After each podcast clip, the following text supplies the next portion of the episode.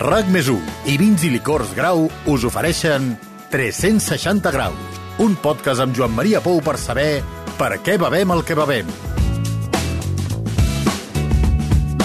Les modes, les tendències, les últimes novetats en el món dels vins. Què està de moda i què no? Per què de sobte es posa de moda una varietat de raïm o una altra? Qui ho decideix, això? Per què sembla que ara està molt de moda posar noms extravagants o etiquetes peculiars a les ampolles de, de vi? És la pròpia evolució de la societat la que marca la línia a seguir o hi ha, diguéssim, alguns eh, pals de paller alguns prescriptors que marquen aquest tipus de, de modes. Existeixen, per exemple, els vins femenins o masculins o per tots els públics? Està més de moda el cava o el xampany? Què es porta ara? Un gin tònic sense una macedònia sencera flotant sobre la ginebra i la tònica ja no està de moda com ho estava fa uns anys. Avui intentarem desxifrar les últimes tendències per no quedar de modes. Comencem.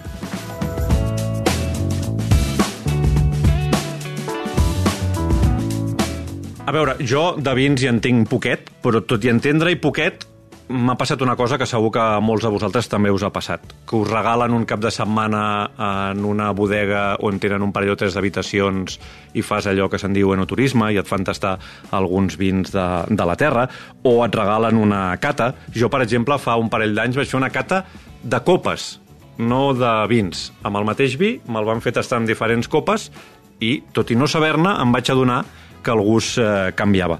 Perquè fa la sensació que tot eh, aquest món, aquesta cultura al voltant del vi està molt i molt de, de moda, perquè fa uns anys segurament tot això ni es feia ni es eh, regalava. També en parlarem eh, avui, però aquest capítol evidentment no el puc fer sol.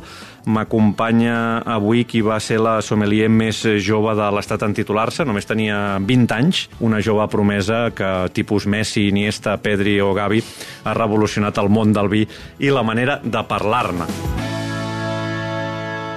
Meritxell Falgueres, hola, benvinguda. Hola. Com estàs? Tot bé? Tot bé, tot bé. Preparada amb el nas sempre ben afinat. Així, així m'agrada. Escolta, encara hem de continuar parlant del vi i de tot el que l'envolta com d'una moda? O estem parlant ja d'una cultura que s'ha consolidat i que es quedarà aquí ja d'aquesta manera tan potent com, com actualment?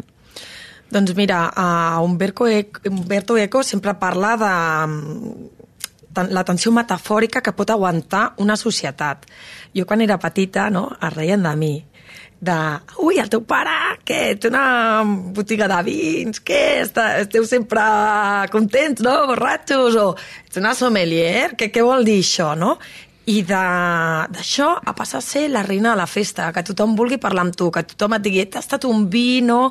Però fins i tot en els diaris, no? Com abans hi havia una notícia, que era, doncs, aquesta barema ha tingut un problema, i com ara, a qualsevol suplement, eh, trobem, doncs, una nota de dates que parla que aquest vi fa olor a pebrot verd, i com deia Umberto Eco, no? i la gent no riu, sinó que sap que no, no hi ha massarat un pebrot, sinó que segurament és un Cabernet Sauvignon que té una nota aromàtica que ens recorda això. Fa la sensació que avui dia, poc o molt, si t'agrada menjar mínimament, si tens un mínim de món, has de tenir una mentalitat oberta respecte al vi, no? Potser fa uns anys fins i tot hi havia gent que se'n fotia, no? Sí. O quan intentaves explicar segons què sobre el vi. Mm. Ara sembla que ja s'ha consolidat que es pot parlar del vi d'una determinada manera i que té un cert sentit fer-ho, no? Sí, és que eh, és veritat que una persona, no, ho deia Hemingway, no, educada, eh, també ho és amb l'art del beure i del menjar. I forma part ja també, diria, fins i tot de la cultura general.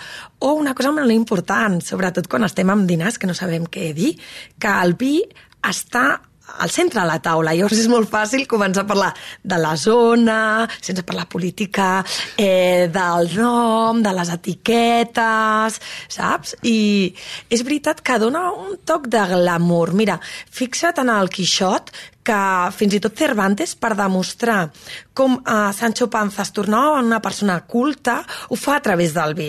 Al principi podríem dir que eh, Sancho, el bueno de Sancho, se bevia hasta el agua de los floreros i com després sap fins i tot de quina zona és, no? I així demostra doncs, que una persona amb paladar, amb aquesta cultura sensorial, amb aquesta praxis grega, doncs uh, també és una persona doncs, més completa, no? Des del teu punt de vista, um, com ha canviat el rol del vi en les últimes generacions. És a dir, el vi pels nostres avis segurament no era el mateix que, que per nosaltres. Eh, com ha canviat el rol del vi en un parell de generacions? Clar, és que segurament pels nostres avis, sobretot si anaven a fer la barema, era molt important aquell gotet de vi per esmorzar, perquè era part eh, de les calories que ingerien aquells, eh, en aquell dia. Pensa que els moments on s'ha begut més vi a la història de la humanitat eh, ha estat a l'edat mitjana, en un moment que l'aigua podia estar en mal estat i era millor que el nen et sortís borratxo que es morís, ja ho diu Pasteur, no? que és la beguda més higiènica, i després també a, a l'època industrial, no? on l'obrer ja té diners i ha de passar... Bueno, pren el vi també una mica com ansiolític, saps? Després d'una de, llarga jornada. Llavors, el que trobem és que cada vegada aquest vi es va tornant més bo enològicament, perquè ara per fer un vi dolent es atinem a la folla, eh, perquè ho tenim tot i sabem perfectament que el millor vi ve de la vinya, però després que ja hem acompanyat doncs, a, com una orquestra, no? com diu Néstor Luján, que és també la gastronomia i la taula, no? i ho, ho vivim com una experiència estètica. Tu creus que ha deixat de tenir ja aquest component ansiolític, el vi, eh, actualment? No, jo crec, i, i parlo amb veu pròpia, no?, de dones hiperresponsabilitzades que a vegades arribem a casa i necessitem doncs, a, aquesta copa de vi juntament amb jazz. Dic necessitem eh, perquè és veritat no? que ens agrada, el vi ha de ser un plaer, però sobretot begut amb moderació. Estic eh, super orgullosa d'aquest vi que acompanya un àpat, un brindis, un moment d'alegria, no? Deia Napoleón.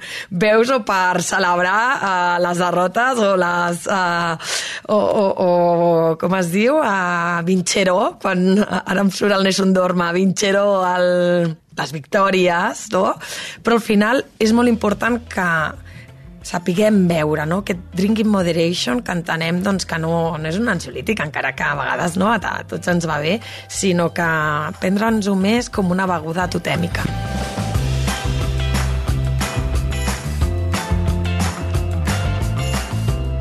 Parlem de, de modes dins del món sí. del, del vi. Hi ha prescriptors que marquen què està de moda o no? Potser a vegades les, les obres de ficció, una sèrie, una pel·li, una novel·la, poden marcar unes certes tendències? O és una cosa per generació espontània, diguéssim? Que, que... No, no, i a més te'n puc anar molt, anomenar moltíssimes. Hi ha una expressió a Califòrnia, on jo també vaig a viure i vaig estar estudiant, que era ABC, All But Chardonnay, perquè s'havia convertit gràcies a sèries com Sexo Nueva York, eh, Mujeres Desesperades, el sinònim d'una copa de vi blanc, aquesta copa de vi blanca moltes vegades, erròniament, jo crec, eh, s'assimila a les dones i al glamour, no? Doncs eh, era com sinònim copa de vi blanc a chardonnay i jo el vaig chardonnay és dona'm qualsevol cosa que no sigui chardonnay, que també hi ha pinot grigio que hi ha sauvignon blanc, etc. Després una cosa molt interessant la pel·lícula Sideways, Entre copes que va posar el pinot noir de moda a Estats Units, no? una varietat que era com molt freaky town, no? molt rotllo Josep Roca, bueno, Josep Roca és més Riesling però saps de... Mira, en el món del vi hi ha el Barça-Madrid Ah, sí? Sí. No em facis dir quin és quin, no, que jo les igual, meves però, metàfores... D'acord, però, però sí que quina ha... és la rivalitat eh, màxima? El Borgonya, no?, que és eh, viticultors amb gins, eh, petites parcel·les, pinot noir, vins amb molta acidesa, vins com l'Audrey Hepburn. Tu l'Audrey Hepburn la veus ara aquí a la Diagonal i no et gires, però estàs fent un cafè a la cafeteria aquí baix i vas mirant i dius, però que mona aquesta noia.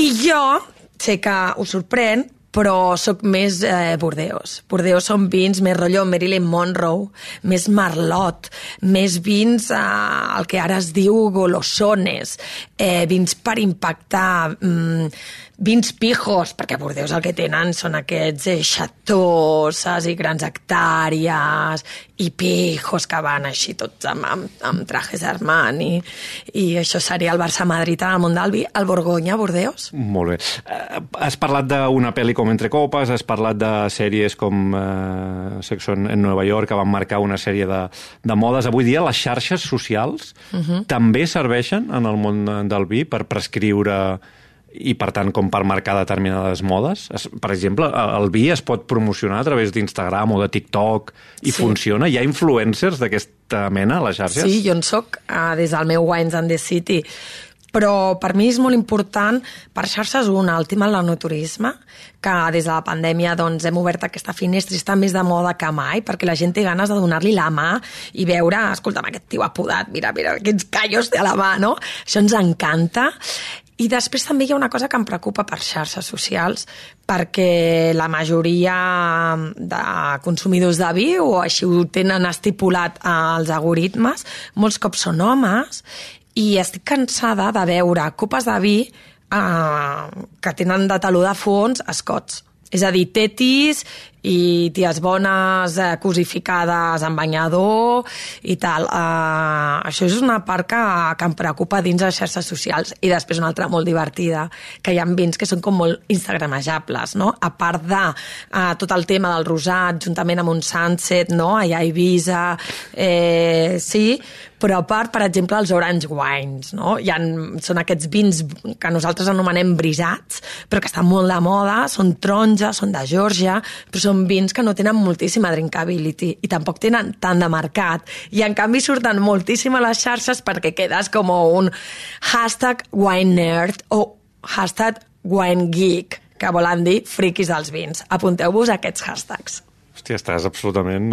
Veig que el, el llenguatge, també l'argot, eh, en, en aquest món s'ha imposat també en, en anglès, sí. sobretot, eh? S'ha imposat eh, en anglès, s'ha imposat en, en francès, per exemple, no? Batonage, ja, ja ho, diu Jac, ho diu Jacobson, no? I sobretot Saussure, no? Aquestes eh, llengües de- d'especialitat, de, de varietats, eh, que ho trobem molt normal, no? Parlar de fermentació amb àmfora, però per la gent no deixa de ser un llenguatge especialitzat, no? Sobretot quan comences a llegir eh, François Chartier, no? aquest eh, eh, guanyador de millor sommelier del món que feia els maridatges al bulli i et parla de molècules i el maridatge a través de d'aquestes molècules olfactives, no? que a vegades, si et diuen el nom tècnic et quedes com honk, i si et diuen fauloplàtan, doncs ja ho interpretes més. També t'haig de dir que la moda i ho sento molt, eh, imposada per un vi, eh, per un vi, per un món del vi que estava mm, eminentment masculinitzat i, i ara em podeu criticar tot el que vulgueu, però aquest moment competició triomfitos de, dels sommeliers, no? de veure qui, eh, qui acerta quina anyada és i guanyo el concurs, no? que direu, escolta, com és que els que sempre han guanyat els concurs han sigut homes, si les dones tenim les dues parts de l'hemisferi més comunicat? Doncs això és com eh, les estrelles Michelin, que hi ha més homes quan el que cuinem som les dones, saps? Eh, però a mi el que em molestava molt és que aquests homes que volien ensenyar que la tenien ben grossa, que parlaven des d'un punt de vista molt tècnic. Jo crec que la feminització en el llenguatge del món del vi s'ha s'ha notat perquè les dones no tenim vergonya a fer metàfores, no tenim... Eh, la gent jove cada vegada més el que vol és democratitzar el món del vi, dir aquest vi és un Twingo i aquest vi és un com era, Rolex i Casio, Twingo i Ferrari. Doncs ah, això és una metàfora que arriba molt més a la gent, no? Abans es parlava del món del vi des d'un punt de vista tan elitista, tan difícil, no? Si un metge o, o un mecànic ens vol vacilar i comença a parlar, no ens, en, o sigui, ens pot dir... És molt interessant això que dius, perquè jo crec que hi va haver un moment que hi havia una certa moda, que era parlar del vi eh, i havies de gairebé fer una conferència, intentar Episcopal. complicar-ho tot, i, i, no? i en el fons el que estava intentant la persona que em parlava era demostrar-li a l'altre que no en tenia ni punyetera idea, Sí. i no sé si ara això s'ha relaxat una mica, no? I ara potser eh, hi ha una contramoda que és, podem intentar parlar d'una manera una mica més planera del vi, com parlem segurament de l'entrecot o del tomàquet o de la pastanaga que estem servint. No? Totalment, a part, al final les emocions i els sentiments és intentar parlar amb un llenguatge universal de coses que són totalment subjectives i personals, no? Eh, per mi la màgia del llenguatge eh, quan, o sigui, encara no entenc com ens entenem parlant d'emocions o sentiments quan fidelitat vol dir una cosa o amor o amistat per una altra, igual que eh, diem que aquest vi fa olor a poma i un està pensant, pensant amb el perfum Lolita Lempica i l'altre amb la poma golden del, del seu poble, no? Per mi és, és al·lucinant el, el món de la comunicació del vi perquè més que intentar definir químicament, ha d'intentar mm, crear doncs, aquestes al·lusions. És que al final és un llenguatge eminentment poètic, no? perquè tenim al·literacions, personificacions, o dir aquest vi és femení o aquest vi és masculí. Què vol dir que és femení? Que és floral, que és suau, que és dolcet, com les nenes. I que és masculí, què vol dir? Que té un bon parell de tanins i és musculós i que hi és ranci. Eh, What? No? I llavors què? També hi ha vins metrosexuals, no? La garnatxa blanca, no? Podria ser un vi eh, amb terra negres, o sigui, el vi no té sexe, encara que sí, algun dissabte que altre a la nit ajuda a tenir-ho.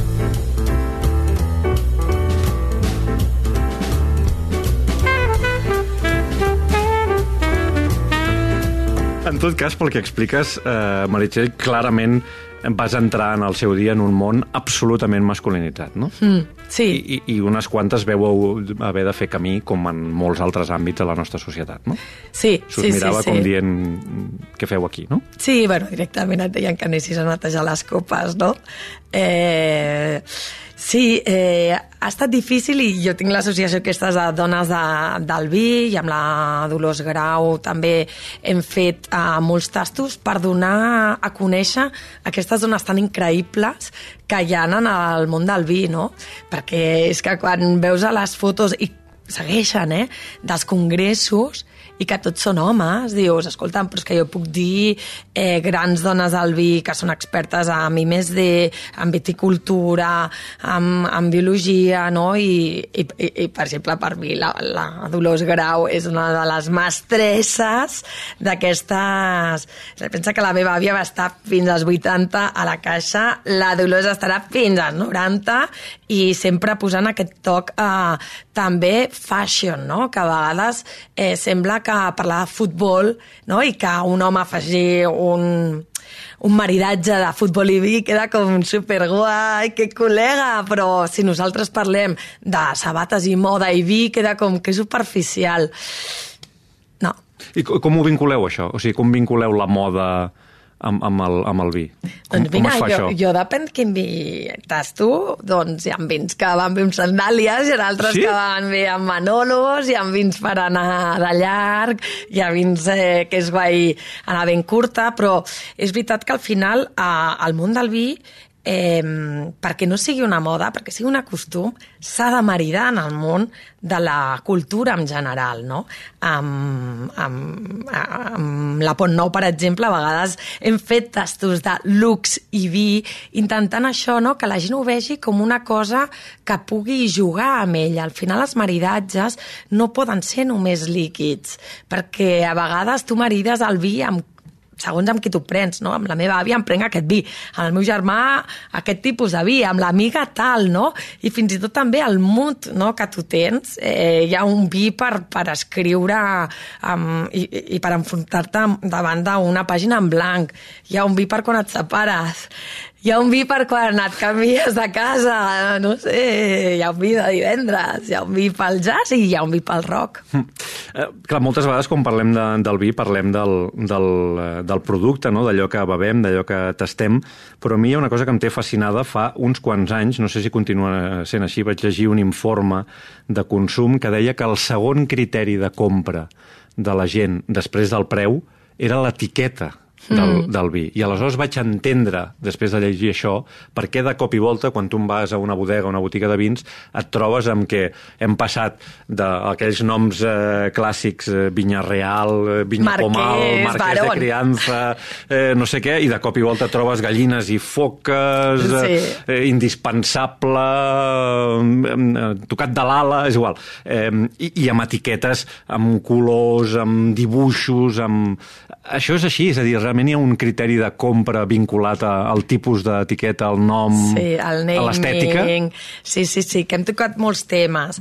Mira, jo un cop uh, estava en un, en un taxi i el taxista tenia unes ganes de xerrar i dic, és que em cobrarà, em cobrarà la, la carrera i volia també un curs de tast. I llavors intentava trucar a tothom, no?, per, per el comodín del público. I em va dir, como no me traía información, ¿cuál es el vino más bueno? El que le gusta a usted. Bueno, pero dime una variedad, dime una marca cuando voy al súper. Y ya, ya me bueno, como no me contestas, te voy a explicar. Yo tengo una técnica infalible. He visto que todos los vinos, que, se, que es, es marqués, barón, príncipe, són buenos. I va, vaig escriure un article i vaig dir, que és veritat, no? A, a, aquest uh, moment monarquia del vi també estava, no? Igual que, saps, a, a, aquestes rejilles que els hi posaven Sí. i aquests papers, no? I com després ha canviat amb un naming que podríem dir, saps, com a Le Chat Noir, aquests, uh, aquests noms molt més fàcils de llegir i fins i tot que s'utilitzaven quan la gent no sabia llegir. Mm -hmm. Després també t'haig de dir que les etiquetes que tenen més venda, més està demostrat, són les blanques i les vermelles. Les vermelles, al final, el vi eh, és la sang de Crist, no? O sigui, i, i el blanc també eh, és com l'èxtasis eh, dionisíac i això acaba estant doncs, en els vins més venguts i fins i tot no? en aquesta publicitat que Pretty Woman ens pot fer gràcia, però és que és veritat, Afrodita i Dionís eren amants, no? I també, doncs, a tota aquesta eròtica, no?, i sensorial del món del vi.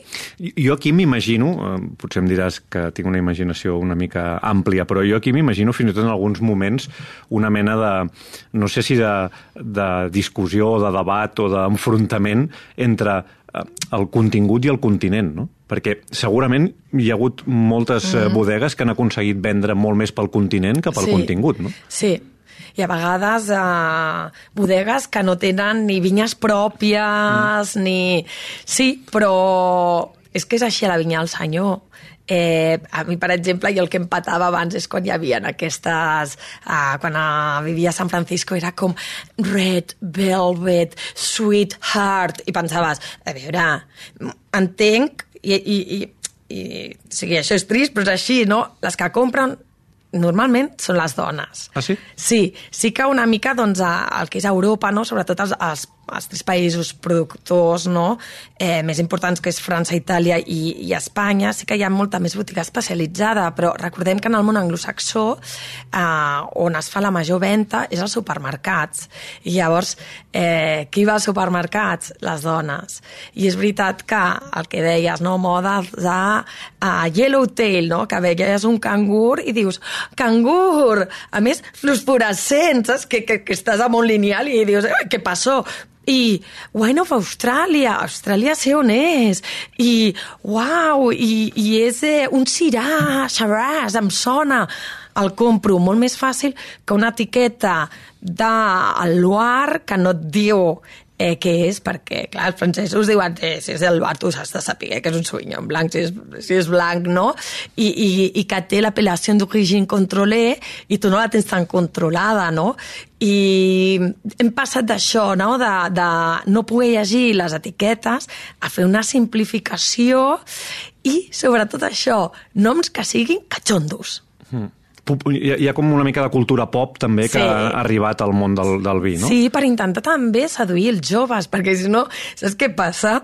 Que tots aquests que prenen el Marquès i el Barón, ara ja jo crec que el metge els ha dit que no prenguin tant, o s'estan morint. Llavors, eh, saps, és veritat que val, val més gastar-s'ho amb una ampolla de vi que a la farmàcia. Recordem que és veritat que dos copes de vi va bé pel cor. Eh, té antioxidants, però clar, eh, tampoc ens passem, no medicalitzem el vi, si no això estaria a farmàcia de moment encara no. Em, tu saps d'on surt l'origen aquest, de, aquest viatge de gènere de quan un ha demanat una copa de vi negre i l'altre una blanc, ha un noi i una noia amb una taula que encara hi ha una quantitat enorme de cambrers que sense preguntar serveixen el blanc a la noia i el negre al, mm. al noi? A mi el que m'encanta és quan em diuen i la senyora també prendrà vi? I dic, oh, i sí, més que el senyor. Sí, sí. sí. El, el triarà, el tastarà... I... Sí. No, pensa que fa, fa uns anys sí que, que era això, eh? tot dolcet i blanc. Ara no, ara ho pregunten. Però és que el que he passat és que a l'escena ha entrat el rosat saps? De no estar dins el pòdium de qualitat. Ha entrat el rosat, i el rosat què és? Gay? O sigui, què passa? Eh, ja el va posar de moda Dalí eh, a les seves festes a Port Lligat, sobretot amb, amb escumós. No, no, més és que tu veus eh, dones que els encanten els amargs. A mi, per exemple, és el, el meu gust eh, preferit i, i que et demanen priorats o montsants amb garnatges i carinyenes.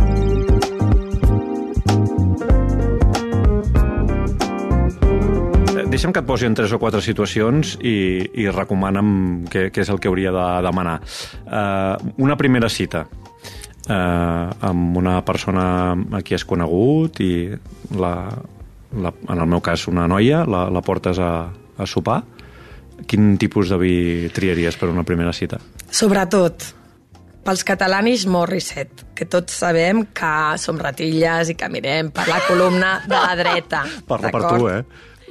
Mira, el més vengut és The Second Cheapest Wine, que és el segon més econòmic, perquè el, si agafes el més barat, sobretot la primera cita, ja vaya rata de cloaca, vaya, vaya catalanis, quin mal la butxaqueta li fa. El segon quedes com, és que qualitat-preu, plaer. Sé que està molt bé, saps? Eh, a veure, per una primera cita no cal un d'aquests eh, vins per impressionar. Perquè és veritat que ho diu Honoré Balzac, no? Totes la, les relacions d'amor comencen amb xampany i saps com acaben? amb una infusió.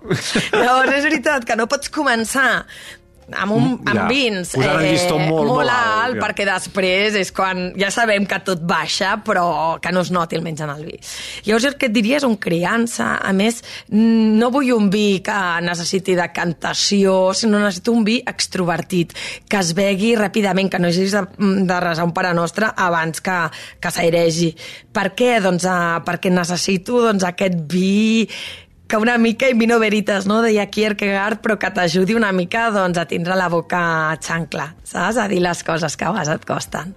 Ah, està molt bé això, per deixar-te anar una mica, no? una mm. mica de desinhibició gràcies al, sí. gràcies al vi. Sí. Em, ens han eh, ascendit a la feina, ens han millorat eh, la nostra posició i, i el sou i ho vols celebrar doncs, amb els teus amics i la teva família. Ah, perquè si és amb el teu cap, sí que aquí... No, que triï ell. Ah, sí, sí, que pagui ell, sobretot, i entraria aquí on reserva, i un d'aquests vins que jo els dic, oh, saps? Oh, que els poses a la taula i tothom fa, oh, uau, saps? Estic parlant doncs, d'un clos mogado, saps? Un d'aquests vins on ve a Sicília, un d'aquests vins eh, marquistes yeah. i tal. Si no, amb els amics, i quan s'ha de celebrar, perquè al final la vida has d'intentar celebrar tot el que puguis, que després eh, bombolles, bombolles i bombolles roses, ja sigui corpinat, clàssic penedès, cava, xampany, sec, sparkling wine Mm. Val, ara et posaré en un cas que sé que tu no ets gens eh, futbolera, però abans has tret la metàfora aquesta del Barça, Madrid, Bordeus, Borgonya. Val? Imagina't, o sigui, el, el màxim de la celebració per un, uh, per un culer seria uh, haver-li guanyat al Real Madrid la final de la Champions. Val? Sí, no hi ha res, per sobre d'aquí no hi ha res. Uh mhm. -huh. O sigui, no es pot celebrar res més que això. Què hauríem de fer aquí? És a dir, estem parlant de l'endemà ja no, no, no, no existeix. L'endemà el futbol ja ha deixat de tenir sentit, diguéssim, perquè ha passat el, el, el súmum del que pot passar. El, jo el que faria és sobretot un magnum perquè és molt important que no només eh, es conserva millor amb vi, sinó també amb cava, i diria un magnum de cava perquè també fa la fermentació carbònica molt millor, i perquè això, no? al final, eh, aquest punt sparkling, aquestes bombolles, donen molta alegria, és la joie de vibre. Pensa que el raïm està baramat amb una maduresa fisiològica anterior i això també et dona doncs, a aquest punt de somriure, saps? Perquè l'àcid et fa saliva i et fa somriure. Mm, defenses que el vi també pot tenir un rol en moments de tristesa, de dolor, Buah. de dol, per exemple? Sí, a vegades eh, m'agrada molt la, la imatge de la Teresa Godell, no? Mirall trencat, que acaba la seva vida comprenent pastissos i vidols perquè està amarga, no? I és com una manera d'equilibrar, no? I a vegades necessites aquest vi que sigui, que sigui escalf, eh? Perquè et fa, et fa mal al cor o el tens trencat i és veritat, eh, eh, a mi em preocupa un dels meus millors amics és el Raül Balam a Ruscalleda, que ha parlat de, amb el seu llibre, no?, enganxat, sobre doncs, com passar-se o com la personalitat addicta no? et pot portar a això. No? I llavors, és, és perillós. Eh, ho hem vist no? la pandèmia, que molta gent que era cachondeito, com no haig d'agafar un avió i haig d'anar a treballar en passo, no?